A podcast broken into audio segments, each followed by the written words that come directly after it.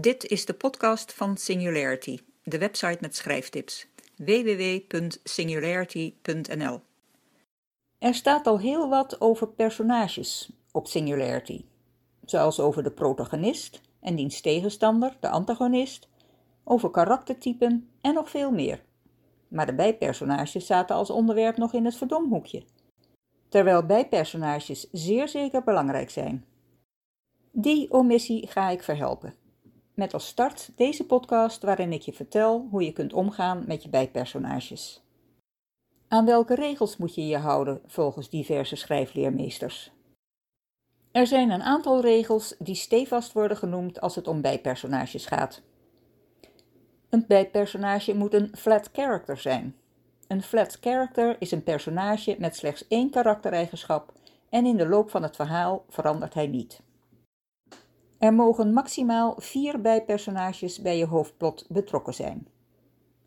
Een bijpersonage mag geen eigen subplot hebben. Zo heet wordt de schrijfsoep niet gegeten. Inderdaad, je moet je bijpersonage niet je protagonist van zijn troon laten duwen. En nee, laat het aantal bijpersonages niet uit de hand lopen, want dan kan je lezer de kluts kwijtraken. En ja, een cruciale subplot die rond een bijpersonage draait, haalt de focus van de hoofdplot af en dat wil je niet. Maar schrijven is geen exact vak en regels zijn er om creatief mee om te gaan. Verhalen zijn zo verschillend als mensen. Denk bijvoorbeeld aan Game of Thrones, de iconische boeken waarop de iconische serie is gebaseerd.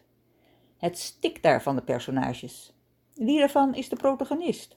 Zijn alle andere figuren bijpersonages? Het lijkt erop dat er tig protagonisten rondlopen. Oei, vloeken in de literatuurkerk. Maar toch hebben zowel de boeken als de serie heel veel fans. Er is één regel die altijd en overal geldt.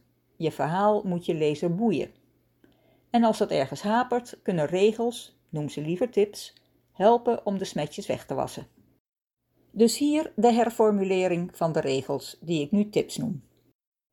De meeste bijpersonages zijn niet belangrijk. Ze spelen een dienende rol. Geef die dan geen diepgelaagd karakter. Dat voegt niets aan het verhaal toe. Geef ze wel wat achtergrond, zeker de wat meer naar voren tredende bijfiguren. Dat maakt ze geloofwaardiger.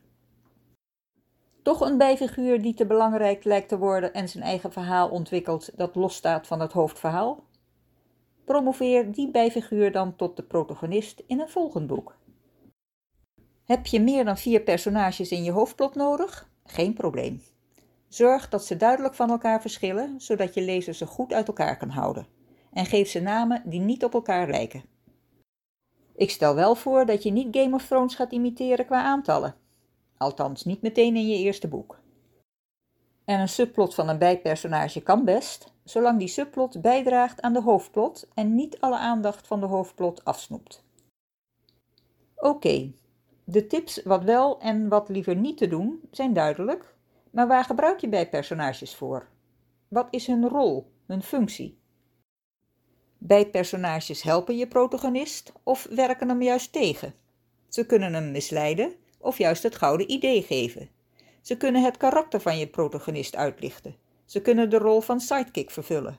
En nog veel meer. Over al die mogelijke rollen valt veel te vertellen en dat bewaar ik voor de volgende podcasts over bijpersonages. Ik wens je veel plezier en hou het gezond. Oh ja, vond je het leuk? Heb je er wat aan? Maak me dan blij door het te delen. Dank je wel.